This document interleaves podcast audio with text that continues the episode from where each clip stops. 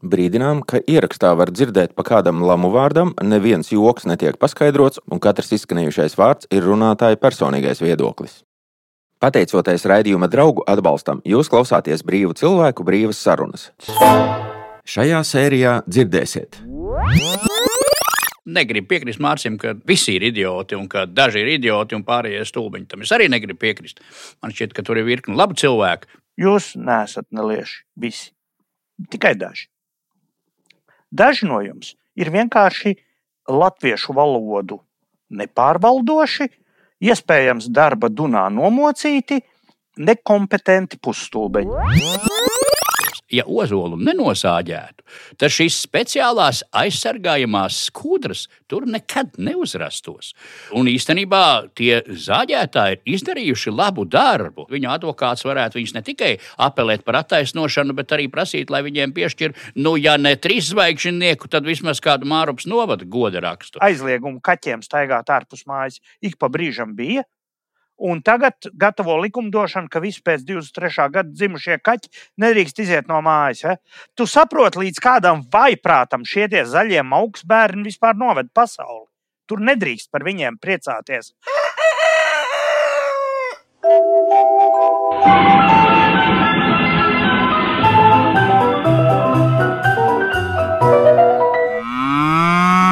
Jautājumi īstenībā provinces. Ja? Jā, jautājumi Aha. no provinces.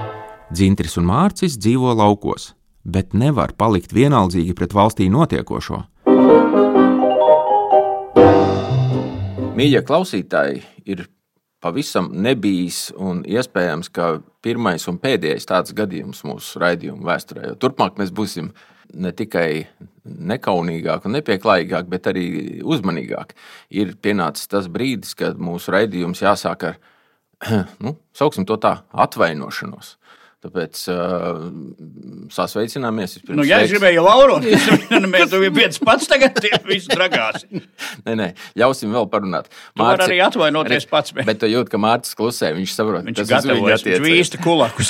Jā, Mārcis sveiks Dūris, Mārci un, un, un dūrītes. Mārci, um, stāsti.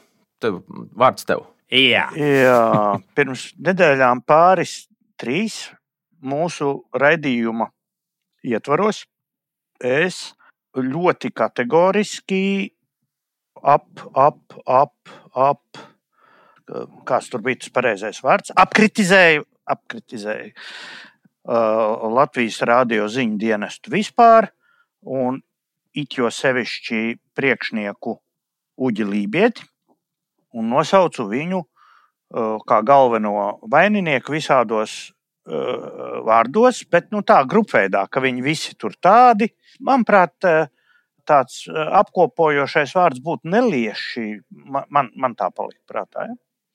Un, un tā pī, pī, tur bija. Nu, kaut kā tā. Tur, à, tur bija visādi uz pēdas. Tur man arī tika. uz, uz... to mēs izgriezām, kur tev tika pa veciem nopelniem, kas dzintrim tika. Jā, jā, arī. arī no tā rādio. Arī tev, jā, to tur bija. Tur bija uz P burtu un kaut kāda vārda, kas beidzās uz STI un kaut kā tā. Un, mm, un tad eh, bija lībieša reakcija kaut kur šķiet Twitter duļķainos viļņos. Redakcija man uzdeva atbildēt, uzdeva man atvainoties. Lūk. Redakcija godīgi, tomēr. Nē, nē, kāda bija godīga. Bailīgi. Ne? Bailīgi. Nu, es nezinu, tie, man šķiet, neviens ne otrs apzīmējums nav īsti pareizi. es esmu dzirdējis dažas reizes iepriekš dzīvē, kā Mārcis atvainojās. Tas vienkārši es arī interesi gaidu, es arī interesi gaidu to brīdi. Paņēmu jau zīmulīti pat. Jā, un tā tad es pateikšu, kas ir manu aktuālā sašutuma pamats, kas ir bijis. Un kā es saredzu to situāciju, un beigās būs mana atvainošanās. Trīs, tādi trīs punkti. Situācija. Ziņdienestā, kur vadītājs ir Uģis Lībijams, un kur var sazvanīt pa telefonu 672, 726. Viņam ir tehniskā redaktore, un tad tur ir mm, vadītāji, producenti, vadītāji, redaktori, un ziņu redaktoru skaits ir diezgan liels un tad ir korespondentu skaits vēl lielāks, un tad ir vēl ārzemju ziņu korespondenti, kādi viens, divi, trīs, un tad vēl ir vecākais korespondents, un vēl ir Valmierā un Liepā. Vienmēr sakot, liela saimniecība. Uģis Lībijams ir priekšnieks tam, ko mēs kā ziņas uzzinām no radio. Nevis kā lūgas vai vakar pasakiņas, bet kā ziņas. Viņš ir priekšnieks par to, un šīs ziņas tiek regulāri pārpublicētas portālā LSMLV. Tā kā Latvijas es šo te vēmeklīgo preteklību sen vairs neklausos, tad tas, kas mani saķer, ir tās LSM publikācijas. Un manu sašutumu tajā brīdī izraisīja šī viena publikācija. Man šķiet, ka es kļūdaini pateicu, tur, ka autors ir lībietis. Viņš nav autors. Tās publikācijas autors ir viens no viņa tiešā veidā padotajiem darbiniekiem, Ulrichs Česbergs, konkrētās tās. Bet tas galvenais punkts, kas mani aizķēra, bija pilnīgi nepieņemama. Manuprāt, uzkrītoši noziedzīga apzīmējumu, terminu lietojums. Es speciāli izvilku to pašu, ko es toreiz lasīju. Tas sākās ar vārdiem: Izrēlā izsludināts karstāvoklis, valsts gatavojas militārai operācijai. Tātad tas ir tieši nākošajā dienā pēc šī drausmīgā notikuma Izrēlā, iebrukumā no Gazas sektora, pēc iebrukuma no Gazas sektora. Un tagad es citēju vēl vienreiz no tā, ko es citēju iepriekšējā raidījumā, un kas ir šobrīd manā acu priekšā. Vairāk kā 24 stundas pēc Hamas kaujinieku iebrukuma Izraels dienvidos - kaujinieku. Es atkārtošu vēl vienreiz - kaujinieku. Kaujinieki bija, starp citu, ja paskatās Latvijas oficiālo vēsturi, bija 905. gadā bija kaujinieki, nu tie īstie latvieši, kas pēc tam kļuva par strelniekiem un, un, un visādi šitādi. Kur ir problēma? Uh, nav tā, un es sāku savu atvainošanos savā ziņā, ka visa šī redakcija sastāv no profesionāliem neliešiem. Tur ir arī liels daudzums stulbeņu un pusāna alfabētu, kas nepārvalda latviešu valodu. Un līdz ar to es atvainojos visiem tiem, kurus es esmu uh, ar savu vispārīgo uh, paziņojumu, ka visi viņi ir nelieši. Uh, es par to atvainojos. Jūs neesat nelieši visi. Tikai daži. Daži no jums ir vienkārši latviešu valodu nepārvaldoši, iespējams, darba dunā nomocīti, nekompetenti pusstulbeņi. Atvainojos visiem tiem pusstulbeņiem, kuri nemaz nelieši nav, ne, nespēja tādu būt savas intelektuālās atpalicības dēļ.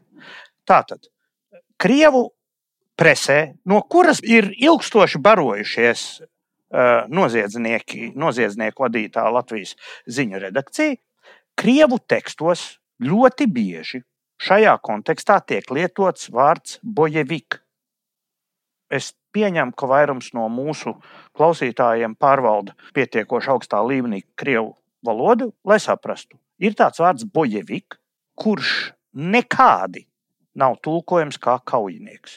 Kaujinieks krieviski ir bojets, cīnītājs, kaujinieks, cīnītājs, kas ir vārds ar neitrālu vai pozitīvu noskaņu.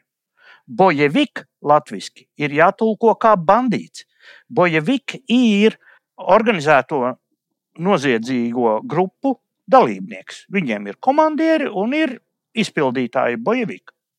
Un tur, kur ir rakstīts bojevik, mūsu LSM Latvijas rādio ziņu redakcija ļoti bieži to tulko kā kaujinieks. Hamas teroristi nav kaujinieki. Tas, kam, ko varētu saukt par kaujinieki, mūsu paudzes klausītāji atcerēsies. Es atradu vienu kaujinieku. Viņu sauc Staņislavs Rogaļevs. Viņš ir no 80. līdz 82. gadam veicis 22 uzbrukumus. Sievietēm 11 gadījumos nogalināja, 5 izdzīvoja tādēļ, ka noturēja pa mirušām un tā tālāk no LSM ziņu viedokļa viņš ir kaujinieks. Jo viņš nu, tikai izvaro un slepkavo. Tas ir tas, ar ko mūs baro LSM. Manās acīs tas ir vienkārši fakts, ka katrs, kurš teroristus, izvarotājus, cilvēku nolaupītājus, bērnu un zīdaiņu slepkavus sauc par kaujiniekiem, izdara noziegumu, kurš ir minēts Latvijas Republikas krimināla likuma 74.1 vai 74 prim, laikam, juristi to sauc pāntā. Genocīdu, noziegumu pret cilvēku, noziegumu pret mieru un kara noziegumu attaisnošana. Tā ir uh, tas, kas te ir rakstīts par kara noziegumu, publisku slavināšanu. Nosaukt Rogaļebu, kurš pilnīgi nevainīgs pūkains iepretim Hamas LSM vārdiem nosauktiem kaujiniekiem, tā ir pēc būtības slavināšana, un tas nozīmē, ka visi šie varētu saņemt brīvības atņemšanu līdz pieciem gadiem, vai īslaicīgu brīvības atņemšanu, vai probācijas uzraudzību, vai sabiedrisku darbu. Nu, laikam, darbs tajā LSM ir kaut kas ļoti tuvs sabiedriskam darbam. Tur daudz vairāk kā iztiku nopelnīt nevar. Vairums no tiem, kuri nepārvalda latviešu valodu. Tur, starp citu, parādās vēl viena, it īpaši runātajā tekstā, bet arī rakstītajā tekstā. Un pat šķiet, ka vienai no cienījamākām eh, žurnālistēm mūsu starptautiskajā eh, eh, žurnālistikā, proti, Inna Strasdiņa, pat nevienmēr to ievēro, starp citu. Kā tulkojot no krievu valodas iespaida, Mirnija Žīķeļa tiek nosaukti par mierīgiem iedzīvotājiem. Tos mierīgos iedzīvotājus mēs tādu esam redzējuši, kā viņi dedzina, mierīgi dedzina mašīnas tur Parīzē, Berlīnē un viskaur kur. Ja? Tā tad Mirnī Žiķeļi ir civili iedzīvotājs. Tie, kas to putro, vienkārši rāda, ka viņi nejēdz, ko raksta, kas pats par sevi nav noziegums, bet par to ir jāatbild Uģim Lībietim, kurš ir atbildīgs par genocīda, noziegumu pret cilvēci, noziegumu pret mieru un kara noziegumu attaisnošanu. Līdz ar to. Mm, Tagad būs atvainošanās. Tagad būs atvainošanās. Līdz ar to es atsaucu savu uh, nepārdomāto un pārāk vispārīgo uh, uzstāšanos pirms divām vai trim nedēļām mūsu raidījumā. Un es tā arī pasaku. Uh, Uģi Lībieti, Uģis Lībietis nav mauka, es atvainojos. Uh, tu esi noziedznieks, Uģi Lībieti, reāls krimināla likuma pārkāpējs. Un tagad pienāca mums klāt tā svaigā lieta, kas, es domāju, mūsu klausītājiem ir pilnīgi skaidrs. Viss tas skandāls ar to raķetes trāpījumu slimnīcā par 500 līķiem, par ko ziņoja, aizgrābti ziņoja visi Latvijas uh, mēdīji, uzrādot savu pilnīgo trulumu un nekompetenci. Šie meli bija tik nepārprotami, ka pat tādi paštaisnuma iemiesojumi kā BBC un New York Times bija spiesti sākt taisnoties, ka tas tā nav bijis un ka vajadzēja būt uzmanīgākiem. 23. Eh, oktobrī New York Times ir pat redakcijas artiķeli nodrukājis, nu, ka viņi ir vienkārši piedirsuši, ja? ka viņi vienkārši izplatījuši Hamas propagandu. Un, un BBC kura intensīvi nodarbojās ar Hamas propagandu. Tā kā tas nonāca nu, reāli holokausta attaisnošanā, tad viņi sešus savus uh, žurnālistu korespondentus ir at, atstādinājuši no darba uz izmeklēšanu. Sakarā ar to, ka Apgraizi, viņi, viņi, viņus varēja apgraizīt. Nu, jā, nu, ne ar ko jau pārāk briesmīgi tas nebeigsies, bet viņi ir sākuši likt teroristiskās organizācijas Hamas. Tā vietā, vēl līdz pašam pēdējam laikam LSM rakstīja Gazas veselības ministrija. Tā ir organizācija, kas slepkavo, melo, tur gūstā divus miljonus cilvēku. Un atsaukties uz viņiem kā uz avotu var vai nu nelieši, tādi kā Uģis Lībijams, vai pusstulbeņi viņa vadībā. Ja tos esmu kļūdaini nosaucis par neliešiem, es jau atvainojos iepriekš, atvainojos vēl vienreiz, lai jūs saprastu to bezjēdzīgumu mērogam. Tajā uh, Hamas uh, slimnīcā raķete pati netrāpīja, viņa nav pat sapostīta. Ir sprādziens bijis, ja es pareizi saprotu, autostāvvietā vai laukumā, nu, kur ir bijusi mašīna. Un tur ir kādi, nu, jā, ir upuri 20, varbūt 50 un 500. Tie cilvēki, kas to raksta, uzrāda, ka vai nu viņi nejēdz, ko viņa raksta, ka viņiem var iestāstīt jebko, un šie cilvēki par mūsu nodokļu naudu nodarbojas ar teroristu, neliešu, ārprātīgi necilvēcīgu neliešu propagandas izplatīšanu, nosaucot to par veselības ministriju. Gazā nav ne veselības, ne ministrijas. Jūs saprotat, tas ir bandītu midzenis. Ko jūs rakstat, cilvēki? Idioti. Es atvainojos. Pagaidām, nu, bet tev kauns ir vai nav? Uh, man, es, es esmu pārdomājis, ka un nolēmis turpmāk būt uzmanīgākam ar grupēju apdirsieniem. Kaut visi tur ir tādi. Nu, nav tur visi nelieši. Cilvēkam vajadzīgs kaut cik smadzenes, lai būtu pa nelietu. Tie, kas ir nu, no dabas apdalīti vai vienkārši bijuši slinki, nesaprot ne latviešu, ne krieviski tos tekstus. Viņiem paveicis, ka, ja viņi tulko angļu tekstu, tad tur ir civilians, un tad to viņi raksta civiliedzīvotājs. Ja viņi ņem no krievu valodas, tad viņi raksta mierīgie iedzīvotāji. Ļoti mierīgie palestīniešu iedzīvotāji. Uh, kā mierīgi viņi ir. Uh, šajā laikā, kad visas emocijas ir ļoti sāsinātas, jābūt uzmanīgākam ar grupēdu apgalvojumiem, ka visi ir tādi. Ja? Man tāda atziņa ir. Vai es spēšu pie tā pieturēties, nu, tā jau redzēsim. Jā, es atceros tos, tos laikus jaukos, ka pa vidu citām priekšniekošanām medijos es kādus divus vai pat trīs gadus biju amatā, kurā Uģis tagad ir. Uh, Um, biju ziņu dienesta vadītājs, un tad bija galvenais producents. Tobrīd bija tāds Jānis Juzefovičs, baigais prātvēders.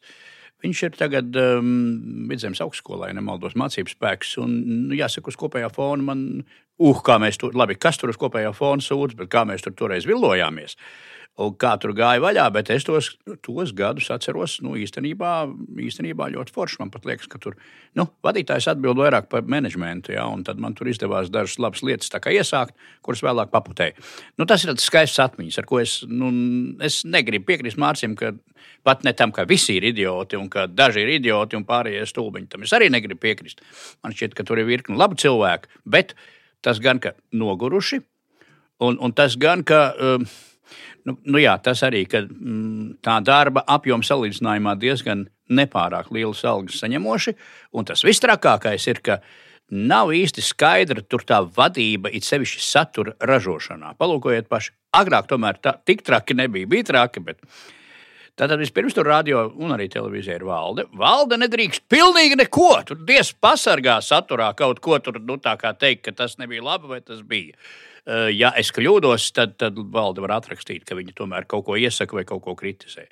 Tāda ir tas galvenais redaktors. Lūk, tas būtu tā tāds činavnieks televīzijā Sigita Roķe, Latvijas Rādio Anita Brauna, kurai par saturisko nu gan būtu tā tieši jāatbild, bet tas atkal varbūt tikai konceptuāli. Savukārt ziņu dienesta vadītājs, ņemot vērā žurnālistu pārprastās neatkarības tādu pieaugumu un kvalitātes lielākajā daļā cilvēku un tekstu kritumu, tad, um, tad uh, es saprotu, ka ziņu dienesta priekšnieks, es nezinu, cik tālu viņš vispār atkal drīkst iejaukties saturā, jo viņš ir menedžeris.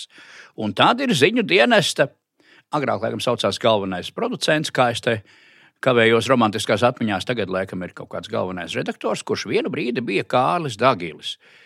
Arī tagad es atceros, viņš ir no tiem, kas jau no bērna kājas nāca uz radio, un rezultāts ir tāds, kā ir.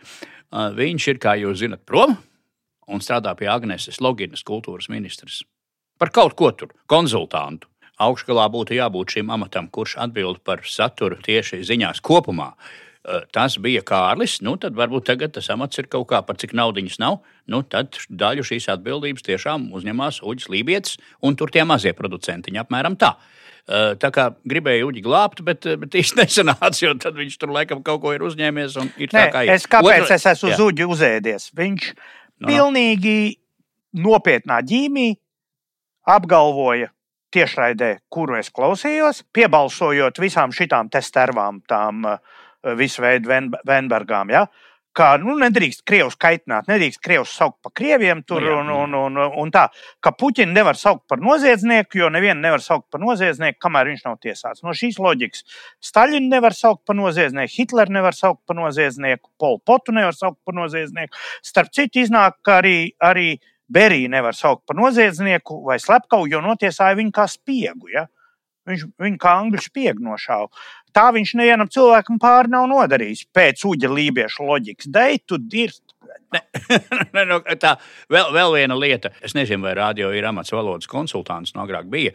Un, un cilvēki, kuri rūpīgi analizē un pēta to, kā vajadzētu teikt vai atzīmēt vienu vai otru procesu, vai vienu vai otru darbojošos personu kaut kādā, sauksim to par kara teātri, vai kā tas ir. It sevišķi šajos sarežģītajos laikos. Tādu, ja ir, labojiet, manuprāt, tāda cilvēka īsti nav. Un otra lieta, nu, lai cik mēs kladzinām par neatkarību, tās neatkarības, manuprāt, paliek ar vien mazāk žurnālistu neatkarības. It sevišķi, notiek jauns. Liels notikums. Tad neviens īsti nezina, nekāda vadlīnija nav. Žurnālisti kļūst bailīgi un seko kaut kādam, nu, mēs, man liekas, tā īsti nesekojam, bet tur seko savam iekšējam cenzoram. Nu, ko nu tagad teikt?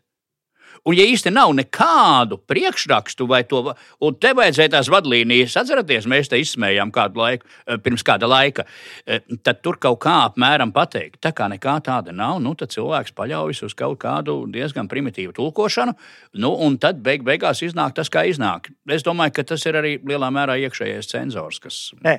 Bet kāpēc tur ir tā savāka, savākušies tik daudz cilvēku, kuriem tas cenzors pilnīgi vienādi darbojas? Tad mēs redzētu, ka katrs tur raiba pa savām iekšēji cenzējās. Es Viņš nepiekrīt. Vienu rītu grilēja dikti kariņu. Varbūt kāds atcerās mans vecs kolēģis Lauris Zvejnieks. Bet kādā un... vārdā viņu nosauc? Nu, viņu ne, nenosauc, mēs, bet, bet viņš viņam mauca diezgan pamatīgi. Tā likās, ka tā lampa arī iegriezta ģīmī. Un kā tur kariņš teica, vai cik, cik jauka mums piekdienas saruna. Nu, tā, tā laikam mēģināja humoru laist. Nē, nu, par to uh, ņemot vērā, ka tas ir tagad skaidrā atmiņā notikums ar to mm, slimnīcas šķietamo spridzināšanu. Tas bija fantastisks, eh, kā žargonā teikt, fake news, jo izjauca ārkārtīgi nozīmīgu notikumu, tātad eh, prezidenta Baidena tikšanos Jordānijā. Ja? Šeit es varētu nenosodīt Latvijas Rādio un LSM, jo tiešām situācija bija vaiprātīga, un viņi paskatās, uh, CNN, BBC un New York Times visi vienā balsī saka to un to. Nu, par New York Times ziņas pārdrukāšanu jābūt ļoti iekšējam cenzoram. Viņi ir tā kā cīņa vai, vai pravda pilnīgi jukušajiem, galvā drātātiem amerikāņu kreisajiem. Ja? Demokrātiskās partijas visstrakākajiem uh, kreisajiem spārnam. Bet nu, skaitās tā ir, ka nu, avīze, kur pārbauda ziņas un tā. Un šobrīd, ejot tajā ķīļūdenī, LSM var redzēt, kā ir drusku pamainījies. Tātad e, es lasu 19. oktobra publikāciju. Tur ir tā, Izraela pēc 7. Oktobrā, oktobrī notikušā teroristu grupējuma Habas iebrukuma. Te viņš beidzot ir. Tie nav palestīniešu brīvības cīnītāji.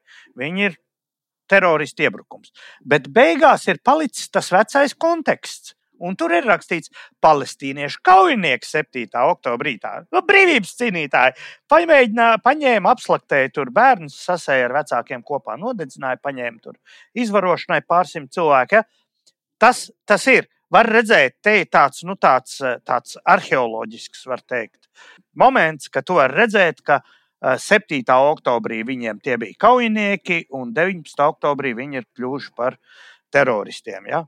Nu, arī jau labi kaujinieku definīciju pašā sākumā vajadzēja baigi, baigi pārskatīt. Jo par to slimnīcu, kā tu pats teici, tur arī kaut kādi lielie dūži, tur brauca cauri ar, ar vispārējām un diezgan tādām baigi humānām metaforām. Savukārt pats iebrukuma sākums, nu, tur nu, praktiski nebija divu domu. Tas ir tīrs terorisms. Jā. Tur īpaši uzpasēties un, un kā nu nosauks, vai tur kauģiniekus, vai tur kādus biedrus. Ne, tā nu, problēma ir, ir viņu galvā, pazīmes. ka viņiem kaujinieks ir bojevika. Cilvēki nepārvalda valodu, ierauga pazīstamu vārdu un nu, raksta kaut ko. Līdz ar to nav tā, ka visi nelieši. Ir arī stulbeņi vienkārši. Mēs tā, paga- kā tur ir pēc parasti šitās te, nu, mēs paliksim katrs savos ieskatos. Tur jau kā, kāds mēģina tur. Jā. Nē, nē, es, es domāju, tā, ja, ja kāds klausītājs, vai nu, varbūt ne mūsu klausītāji tiešie, bet tie mūsu raidījuma personas, kuras vēl jūtās aizskarts, grib, lai viņiem atvainojas, tad droši rakstiet mums. Mēs varam šitādā garā principā Mīļie turpināt. cilvēki, nu, nu, nu, es jūs tur tā kā pat mēģinu aizstāvēt es tiem, kas radio tur vēršos, bet, bet nu, pie šī, ja nāks nākamais, kas tur nobombardēts, nu, baigi paskatieties. Ļoti, ļoti rūpīgi, vai tas vispār ir. Nāks, Jā, tur, tur mūsu Nāks. atvainošanās stāsts Un- šķitīs kā tāda liriska atkāpe. Un, un, un līķu kaudzes tur būs. Tas ir piedāvājums neizbēgami, ka tur būs Tā ir. tūkstošiem Jā, ir. līķu. Jau ir. Jā, ir, jā. Un būs vēl, nu, ir jābūt nu, galvas ziņā gataviem uz to, ka tur vairs nekādas smalkas šteles, tas, ko kādreiz stāstīja, lūk, ka Izraels armija tur kaut kā ķirurģiski tur ie- iemaukus tieši pa vienu māju, un pēc tam ar buldozeriem nobrauc, un, un neviens cits nav cietis. Ja? Tā nebūs. Tur cietīs milzīgs daudzums civiliedzīvotāju arī. Jā, neizbēgami. Tam- jābūt gatavam. Vārdu sakot, šī te pagarā atvainošanās ar vairākām atkāpēm, gan vēsturiskām, gan eh, valodnieciskām, eh, nu, ir novadīta. Jāsaka, fū, ejam tālāk. Par mūsu raidījuma mājaslapu jūs jau esat dzirdējuši. Tās adrese ir tepat sērijas aprakstā. Un es gribu atgādināt, ka mājaslapa ir ērtākais veids, kā klausīties mūsu raidījumu, īpaši tiem, kuri to izvēlas klausīties datorā. Un no nākamās nedēļas notiks tas, ko jau solījām mūsu raidījumu atbalstītājiem. Tas ir katram, kurš kaut vienu reizi ir ziedojis naudu raidījumu veidošanai, mēs dosim iespēju pirmajiem noklausīties pirmo šīs sezonas speciālu izlaidumu. Sarunu par pilsonības atņemšanu un personu izsūtīšanas tēmu, kurā dzirdēsiet interviju ar Edvīnu Šnori un profesoru Juri Rudevski. Ja esi raidījuma atbalstītājs, bet vēl neesi pieteicies kā mūsu mājaslapas reģistrētais lietotājs, pēdējais laiks doties uz mājaslapu un to izdarīt. Visiem mājaslapas atbalstītājiem tuvākajās dienās izsūtīsim e-pastu ar ielūgumu un instrukcijām. Uzmanīgi pārbaudiet, vai mūsu vēstule nav iemaldījusies nevēlamajā e-pastā. Tiekamies mājaslapā jautājums no provinces.lv. Dzintri, tu tāds dabas cilvēks, par kaut ko skaistu, par ainavu, par, par zvēriem, par, par ūdeņiem, par mākoņiem, Jā. vēju. Jā, jā tik tālu mm, līdz, līdz manam apmēram trešajam izteiktajam vārdam mūsu domas sakritīs, jo patiešām es savu ziņojumu esmu ietvēris, nu, manuprāt, tādā noveļu vai pasaku formātā. Jūs atceraties to foršo vecīti amerikāņu, kurš čerkstošā balsī kādreiz piekdienas vakaros, ja nemaldos, Latvijas televīzijā 90. pieteica, kāpeņu stāstīņi, kas īstenībā arī bija mazs novels vai pasakas. Katrā ziņā mums ar nu jau pieaugušiem bērniem tie vakar bija. Bija vienkārši lieliski, pēc tam pat atceros, ka rakstījām lielo kaseti un tad rīkojām atmiņu skatīšanos, ēdot čipsus un, un, un skatotos, skatoties to ārprātu, kur nu, jebkuram no tiem stāstiem bija kaut kāda morāle, un daudzi no viņiem mm, nu, risinājās kaut kādā absurda kategorijā. Gluži tāpat kā šeit pieteiktie stāstīņi, kuri, manuprāt, raksturo tā saucamās zaļās politikas nejēdzību, absurdumu un vēl, ka tas nāk pa labu tiem, kas mēģina biedīt lielu piķi.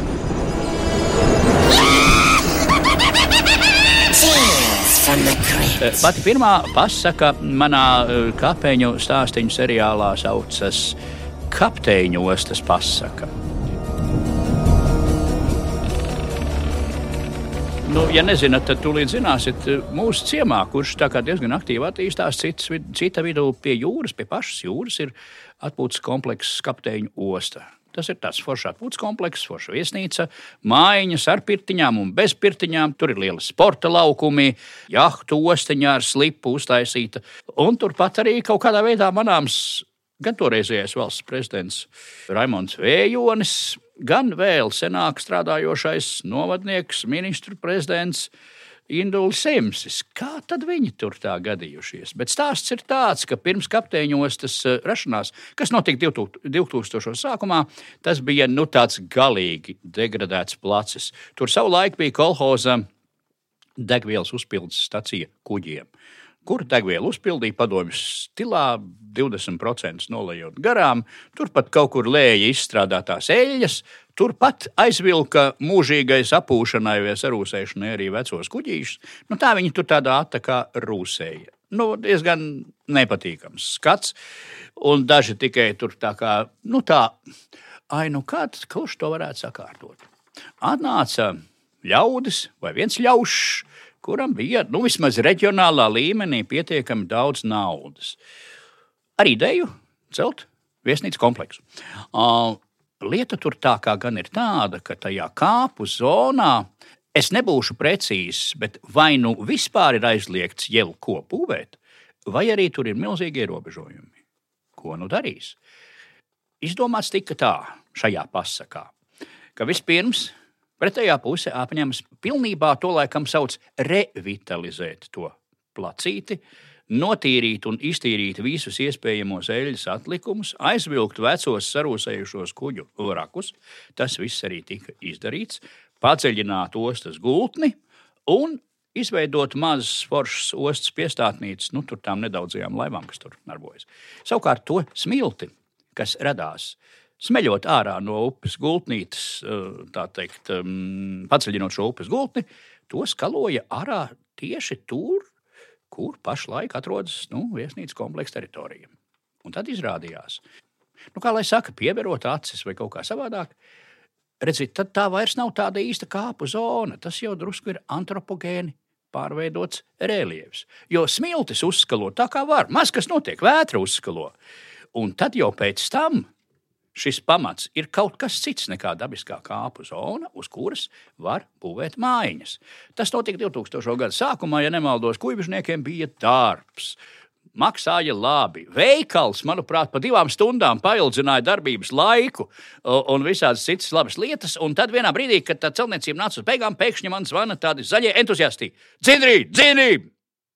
Vajag tagad taisīt akcijas!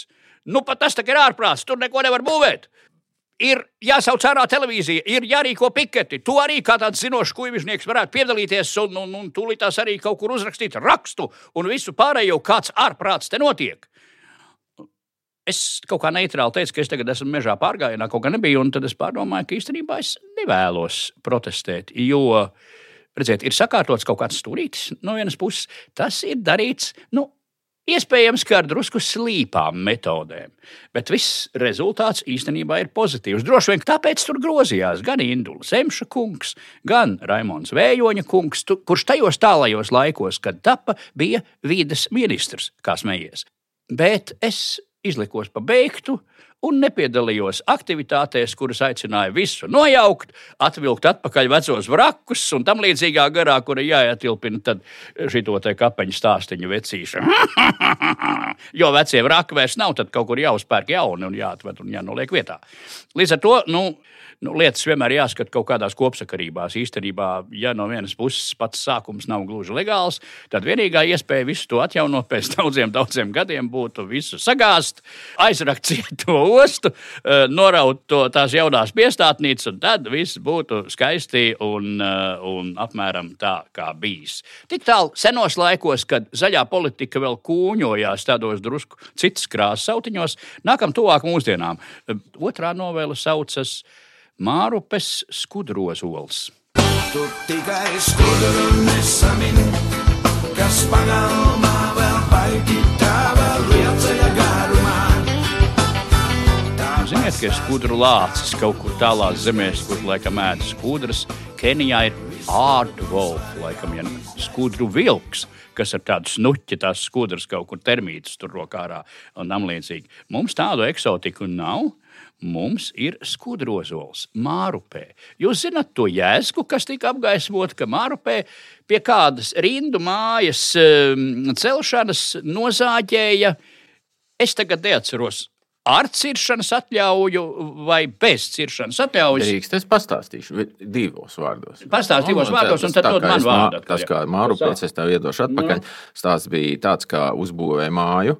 Un mājas būvēšanu apturēja, jo viņi bija uzbūvējuši vienkārši pa tuvu ozolam. Bet, protams, ka viņi ar visiem papīriem to māju būvēja. Viņi bija dabūjuši celtniecības atļauju, uzbūvēja klāt, un izrādījās, ka tas ir pa tuvu. un Tas bija viennozīmīgi pa tuvu ozolam. Nu, tur nezinu, tur 6 metri līdz dižozolam. Būvniecība apturēja, un tad vienā naktī tas nozo- ozols tika nozāģēts ar domu.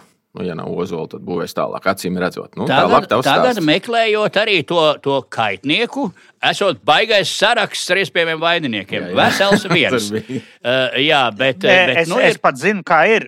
Ka vainīgs iespējams ir viens, bet iespējams vairāki. Uh, uh, Nē, teiks, ar citu diezgan droši bija teikt, ka viens esot tomēr. Nu, Bet, bet to jau mēs nezinām, kas būs vēlāk. Jo izrādās, ka vainīgais var kļūt par labu cilvēku. Varbūt kādam jāpiesakās, jo Ozols tagad ir nogāzies. Aizvākt viņu nedrīkst, jo Ozolā ir ievākušās kaut kādas spožās skudras, kuras ir ārkārtīgi saudzējamas un retas. Raugiet, ja ozolu ne, viņas eh, dzīvojās tikai nogāztos ozolos, ja ozolu nenosāģētu, tad šīs speciālās aizsargājamās skudras tur nekad neuzrastos.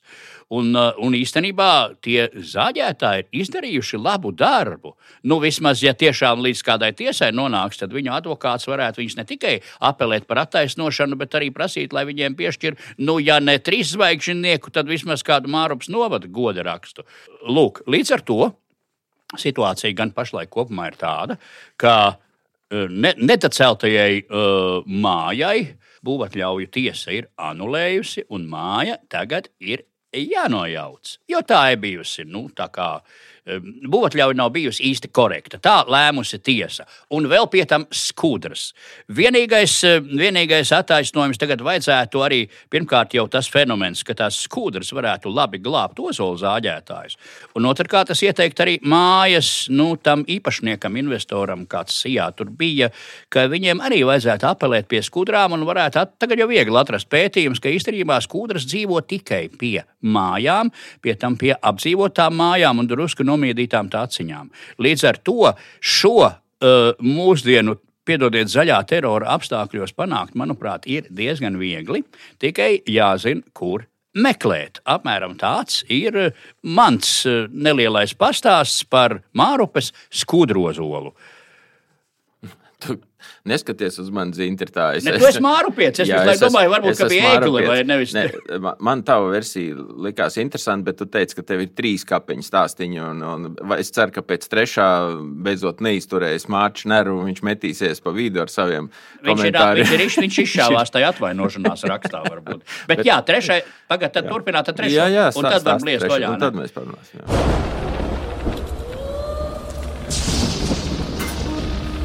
Trešā kapeņa novele - Jūrkalnis slepenie vēji.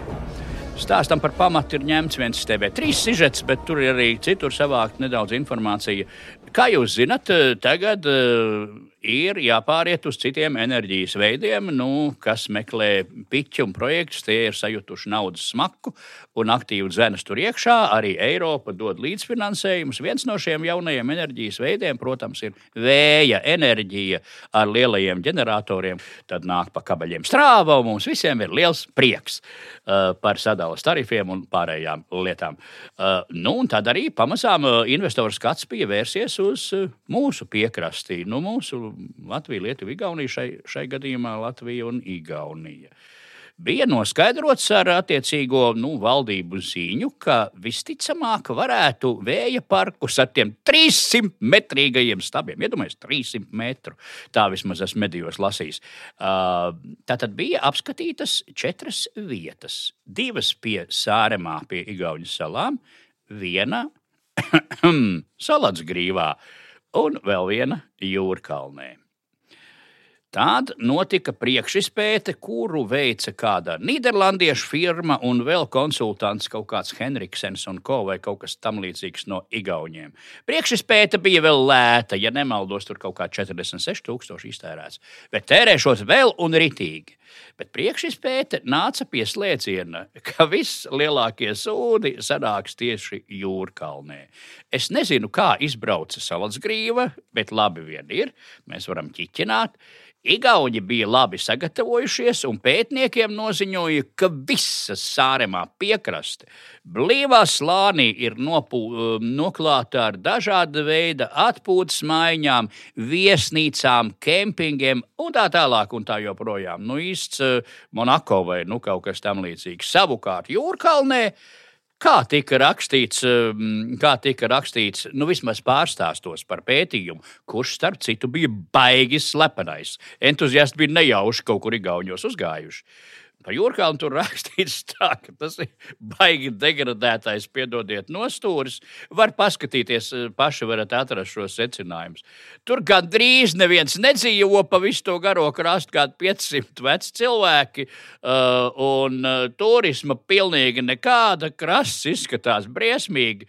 Vienmēr sakot, īstā vieta, kur varētu būt vēja stācijas, lai, lai tur ražotu enerģiju un ļaudīm būtu forši. Bet atjautīgie jūrkalnieši tomēr zaļās politikas hausā ir atraduši iespējamo izēju. Dabas aizsardzības pārvalde ziņo, ka visticamāk jūrkalnas krastā vajadzēs šo taisīt, ja nu ne Nacionālo parku, tad rezervātu noteikti. Jo tur arī atra, esot atrasti dažādi dzīvnieciņi, un es nebūšu tik kompostēts tajā jautājumā, bet visādas lietas, kuras pretendē uz, nu tāpat kā Mārups Skudras, uz baigi īpašo statusu. Uh. Pāvilos spēlēkā kāpa, kāpēc tur neko nedrīkst būvēt. Tur ir dabas liegums, 2007. gadā izveidots. Viņš ir no Pāvilos uz ziemeļiem, uz Jūrkaunas pusi, uz Ulmas, Ulmalas nu, pusi. Nu, tieši tur, tur arī pretī ūdenī. Jā, un galvenās vērtības ir divi Eiropas Savienībā aizsargājumi biotopi ar lakstaugiem klāts pelēkās kāpas un pelēkās kāpas ar sīkrūmu audzēm. Un tur dzīvo visādi aizsargājami augi un dzīvnieki. Smiltāji neļķi latīniskais nosaukums ir Diantus arenārijus un dzīvnieks smilšu krupis. Tas nozīmē, ka īsti neko nevar celt, un nākamajā projekta fāzē, nu tad to ritīgo projektu taisīs. Ja nemaldos, tur jau ir kādi 22 miljoni, tā ir skaitā 18 no Eiropas, tā kā baigi jau nies ķepiņas eh, tiem eh, projektu attīstītājiem. Nu, ko viņi varētu darīt kapeņu stāstu interpretācijā? Viņiem ir jāatrod pētījums, un tos tagad nav grūti pasūtīt un izdarīt, pierakstot priekšā, kas jāizpēta, ka šie stābi, nu, dažas lietas. Piemēram, à, jā, tur vēl bija teikts, ka maisīšot um, valsts aizsardzībai, nu, nevarēšot ritīgi nopētīt, kur krievi tur lido uz to Kenigsbergas apgabalu. Bet pirmkārt, taču visus tos novērotājus var uzstumt augšā tur to 300 metrīgo stabu galā. Viņi ļoti labi visu redzēs. Tāda vajadzētu vēl atrast pētījumu, kas, kas norāda, ka mēncām un zušiem baigi patīk tur dzīvot ap tiem stabiem, un viņi tur patās vairojas un ārkārtīgi pieaug, pieaug jūras faunas uh, apjoms. Un galu galā vēl pieteikt, ka tās vibrācijas, kas tur radās, ka īstenībā viņas baigi dakterē no Covid-19, 20, 21, 2028 un tā tālāk un tā joprojām. Tā, tā man vienmēr ir grūti iet ar tiem nobeigumu slēdzieniem, kas stāstīņi ir izstāstīti. Bet es tev varbūt nobeigumu jautājumu uzreiz. Kā tas būtu, ja tos stabus tur likt tur pretī kuģiņiem? Kā tikpat jocīgi būtu? Pa tiem kā, zušiem. Kā jau pa zušiem? Nē, nu tas galu galā, ja reiz es te esmu neatkarīgs cilvēks, tad man būtu, jā, man būtu jāsaka, droši vien, ka jā, tādu pētījumu var izdarīt. Bet saprotams, ka es esmu laimīgs, ka nemaksājot nevienu kapeiku, jo tur jau īsti pieveikala politbirojam nav tādas naudas, lai nogrūstu projektu uz jūrkalni. Līdz ar to, protams, es te varu priecīgi uzkavilēt, ka īsu brīdi pieminētā Zelensgrīva un Kuiviši ir tā klusi noslīdējuši malā. Nu, varbūt viņi redzējuši, ka tas turpat pie tiem igauniem, nu, sāremā nav tālu, tad jau laikam tur ir kaut kāda atpūtas nama vai kaut kas, un tad labāk skapēs visus kurzem pro, projām. Protams, par, par to es esmu latviskā priekā. Zini, kā tie kurzemnieki, tie tādi lecīgi vienmēr ir. Tad nav tādi cīnieties, veči, mēs jums tagad dažus padomus esam iedevuši tikai tik daudz, ka, nu, kā lai saka, nu, es jau vienmēr to labo, nu, ka no tās zaļās politikas nevajag baidīties. Lamāt var, bet nav jēgas ilgi lamāt. Jāmēģina no, no tās politikas formāta pašiem izsist kaut kādu labumu, jeb pretlabumu. Nu, kā vairākos gadījumos šeit. Tieši pēc tā izskatās, ka viens megaprojekts, kurā iemesls ir eh, visticamāk tālu no biznesa, bet ļoti tuvu zaļajam biznesam ir izrādījies nokosts no mazā zaļā kontrabiznesa. Ja? Tas tomēr mēs interesantā pasaulē dzīvojam, vai ne, Mārcis? Riskantā. Riskantā pasaulē tā dzintra tēze faktiski ir Lietuvas komunistu ideoloģija jaunās skaņās. Ja? Ka, nu, tas komuni... jā, komunisti te ir, nu tad mēs ar paši ar, uh, būsim paši arī komunisti, vēl labāk par tiem krievu komunistiem un būvēsim uh, šoseis un uh, ātrumtrasi, viļņu kauņu ko viņi vēl tur nepagūva padomu laikā uztaisīt. Bet jebkurā gadījumā tā nebija metode, kā graut komunismu.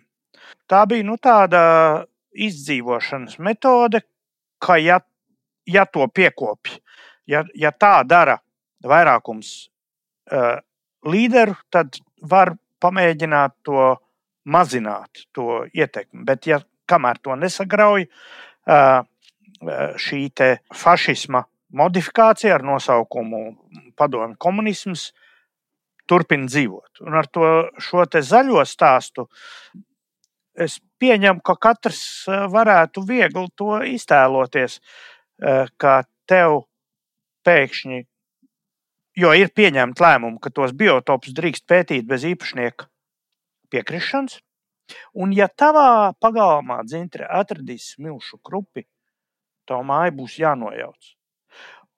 Un, lai kāds mums ir prieks par atjautīgiem cilvēkiem, kas tur at, ar kulīti aiznes tur tās Eh, spīdīgos vabuļus vai ko, vai, vai skudrus, ja, lai eh, panāktu to, ka to, eh, to mājas īpašnieku izdrātē. Tieši tāpat var izdrātēt tevi. Pašlaik tu priecājies tur par viņiem.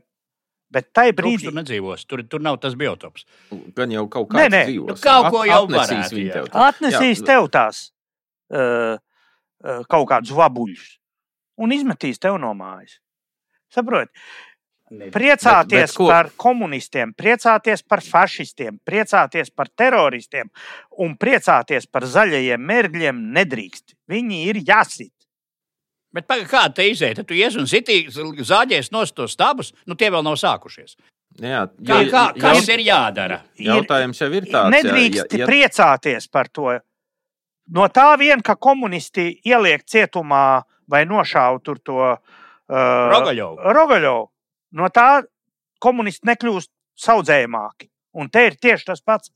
Tas, kas notiek tagad pasaules uh, otrā galā, diezgan svaigi.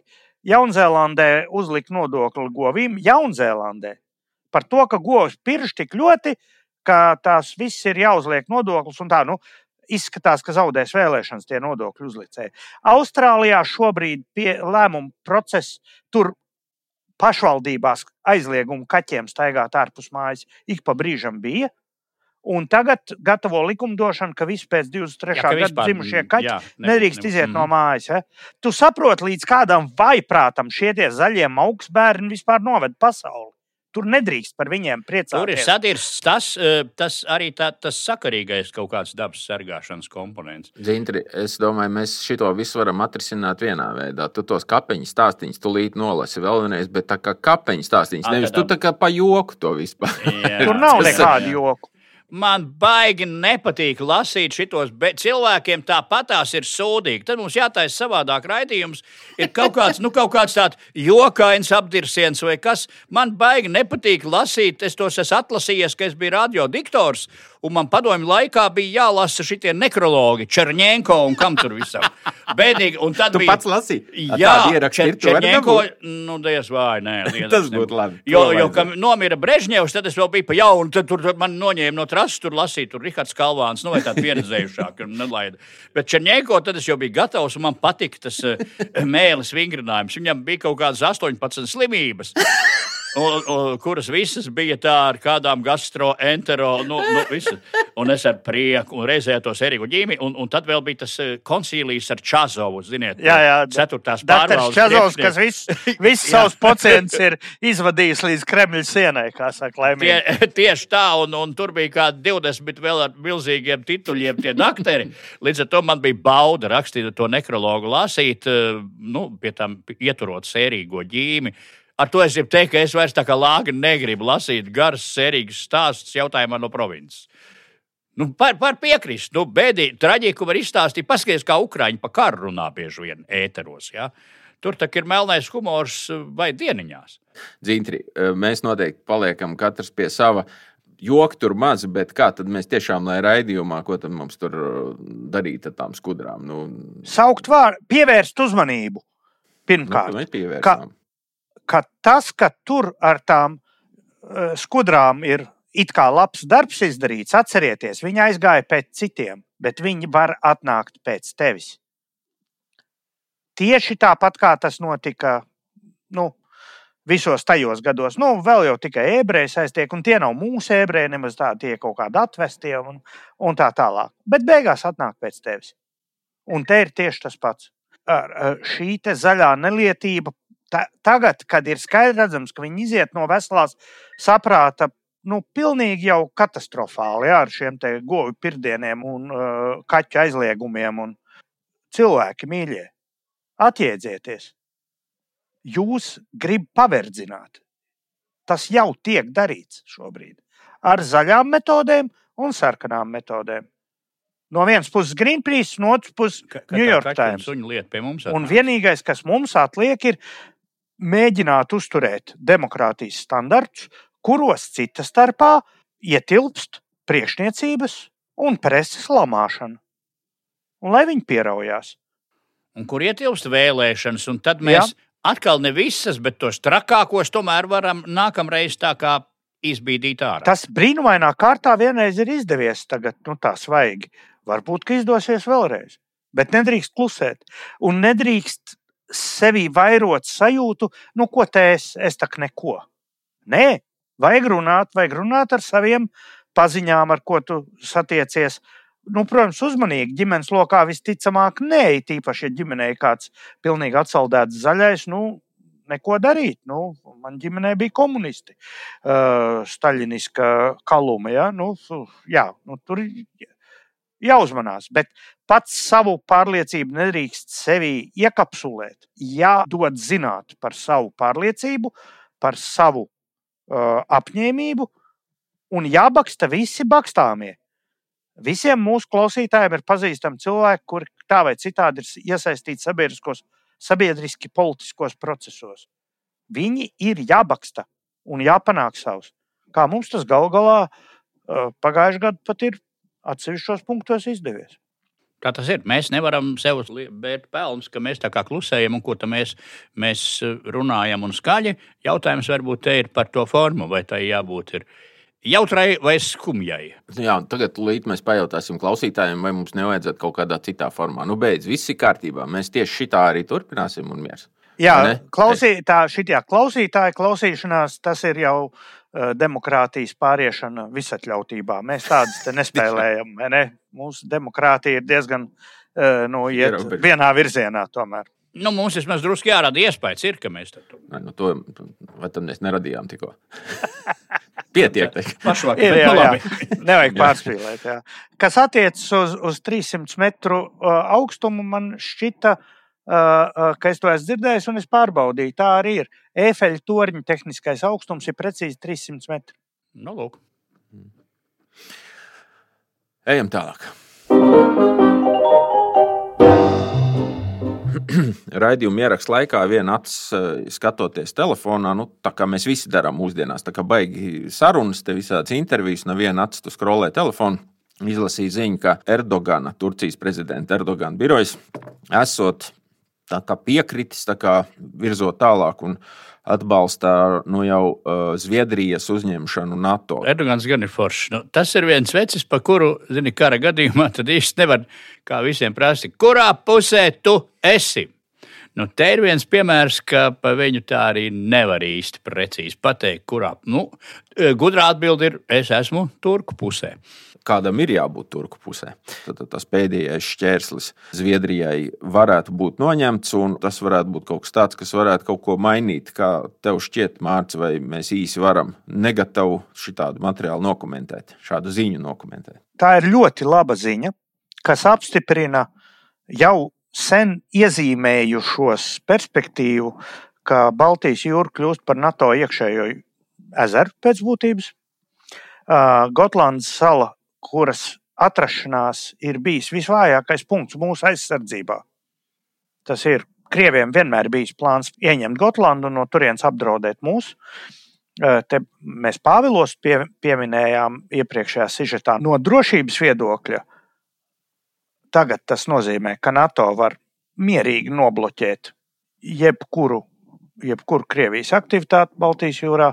Es domāju, tiks nokārtot jautājumu arī ar kabeļiem, Un uh, tā ir labākā ziņa mūsu drošībai, uh, kāda pa ilgiem laikiem ir bijusi, ja mēs vēl varētu panākt, ka mūsu valdībā par iekšlietām un armiju atbildētu cilvēki, kas nav tieši Krievijas interešu apkalpotāji, tad būtu pavisam labi. Jau. Tad jau būtu diezgan droši viss. Tas ir interesanti. Tur, tur visādas piezīmes var izteikt, bet es nejūtos baigi gudrs tajā ārlietu būšanā. Bet dažas lietas ir, piemēram, ka vēl pirms pāris dienām uh, Rinkevičs prezidents uh, Ehm, televīzijā izteica nu, tā kā pieņēmumu, tā kā hipotēzi, vai nebūtu laiks Baltijas jūru slēgt kuģošanai. Es īsti nesaprotu, ko nozīmē slēgšana kuģošanai. Tas, ticams, nav par zvejnieku kuģiem. Visticamāk, tā ir acīm redzot kaut kāda, kaut kāda doma vai nu par karkuģiem, vai arī par kaut kādu nu, vismaz stingrāku uh, kravas kuģu kontroli, jo kaut kā pilnīgi slēgt kuģošanu, es īsti nesaprotu, kas tas ir. Nu, varbūt, varbūt viņš kaut ko zināja. Viņš zināja, ka Baltijas jūra pēc pāris dienām būs NATO iekšējā, NATO iekšējā jūra tieši tā, un, un visticamāk, ka viņš to zināja iepriekš. Kā tu domā, Mārcis? Zināja? Uh, par attiecībā par Rinkēviča informētību es neesmu informēts, jo Viņš ir die... paziņojums drosmīgs, neiedomājas kaut ko šitādu. Ja iz... 19. oktobris, ja izmeklēšanā par gāzes vadu Baltiku konektoru un Igaunijas Savienošu sakaru kabeļbojumiem tiek pierādīta Krievijas atbildība, NATO būtu jālem par Baltijas jūras slēgšanu kuģošanai. Opā! Es neko tādu nebiju dzirdējis nevienā Ukraiņu trakākajā šitajā pret Krievu. Nu, tur nāk no šiem skaidrojumiem. Nu, Tas ir saistīts ir ar to, ka virs tiem bojātajiem kabeļiem ir grozījušies e, kaut kādi krievu un ķīniešu kuģi tur kaut kādā brīdī, kas tur stāvēs, kas tur ko. Un iespējams, ka nu, to lietu tagad e, varētu mēģināt kaut kā ciešāk pakontrolēt. Bet es esmu piedzīvojis to, ka ir ķekaus ātrumceļš atvērts. Es, diemžēl, nepiedzīvošu laikam Rail Baltica, no Baldonas varēs uz Berlīnu aizbraukt, kas man te gar mājām e, tiks būvēts kādreiz. Un diez vai es piedzīvošu to brīdi, kad Kaļiņģerada nodos, Kaļiņģeradas apgabalu nodos Eiropas Savienības protektorātā, Un jautājums, kas notiks ar Pēterburgu? Tai vajadzētu kļūt par brīvpilsētu. Un viss Krievijas projekts pirms 400 vai, vai cik gadiem sāktais par izlaušanos uz Baltijas jūru būs beidzies kā vairāku gadsimtu garumā. Asiņains, drausmīgi putrains murgs. Tas ir jāizbeidz. Viņi jāiedzen atpakaļ, lai kuģo no Arhangelskas un Murmanskas, kamēr melu muti paliek. Nav žēl. Un uz pašām raidījuma beigām esam atstājuši rozīnīti uz putu krējuma mūsu jauno rubriku šīs nedēļas jautājums no provinces. Šoreiz tas būs par 11. novembri un uzvaras parku. Jautājumi iz provinces. Jā, jautājums Aha. provinces. Dzintri, lūdzu, jautājums no provinces. Kura būs īstā vieta, kur mēs 11. novembrī varēsim iespraust svecītes? Klusēt, Huzārkungi! Huzārkungi! Okay. Labi. Uz šīs jautrās un pacilājošās. Patriotiskās! Patriotiskās! Uz šīs, uz šīs patriotiskās un sildošās notis beigsim šodienas sarunu. Beigsim ātrāk. Pārējais aizkadrā. Paldies, kungi, ka bijāt kopā ar mani un klausītājiem. Visu gaišu! Atā! Svecīt! Atgādinām, ka raidījums var skanēt tikai un vienīgi pateicoties klausītāju atbalstam. Ja arī tu gribi palīdzēt mums turpināt atklāt neiedzības, skaidrot piņķerīgus jautājumus un saukt lietas īstajos vārdos, tad ziedo latviešu podkāstu atbalstam. Ziedojuma lādīti atradīs tepat zemāk šīs sērijas aprakstā. Un kā ziedotājiem tev pienāksies īpaša priekšrocība. Tu varēsi klausīties raidījuma atbalstītājiem veidotās speciāla izlaidumu sērijas un tiešraides. Pateicoties tev, brīvu cilvēku brīvas sarunas turpinās skanēt.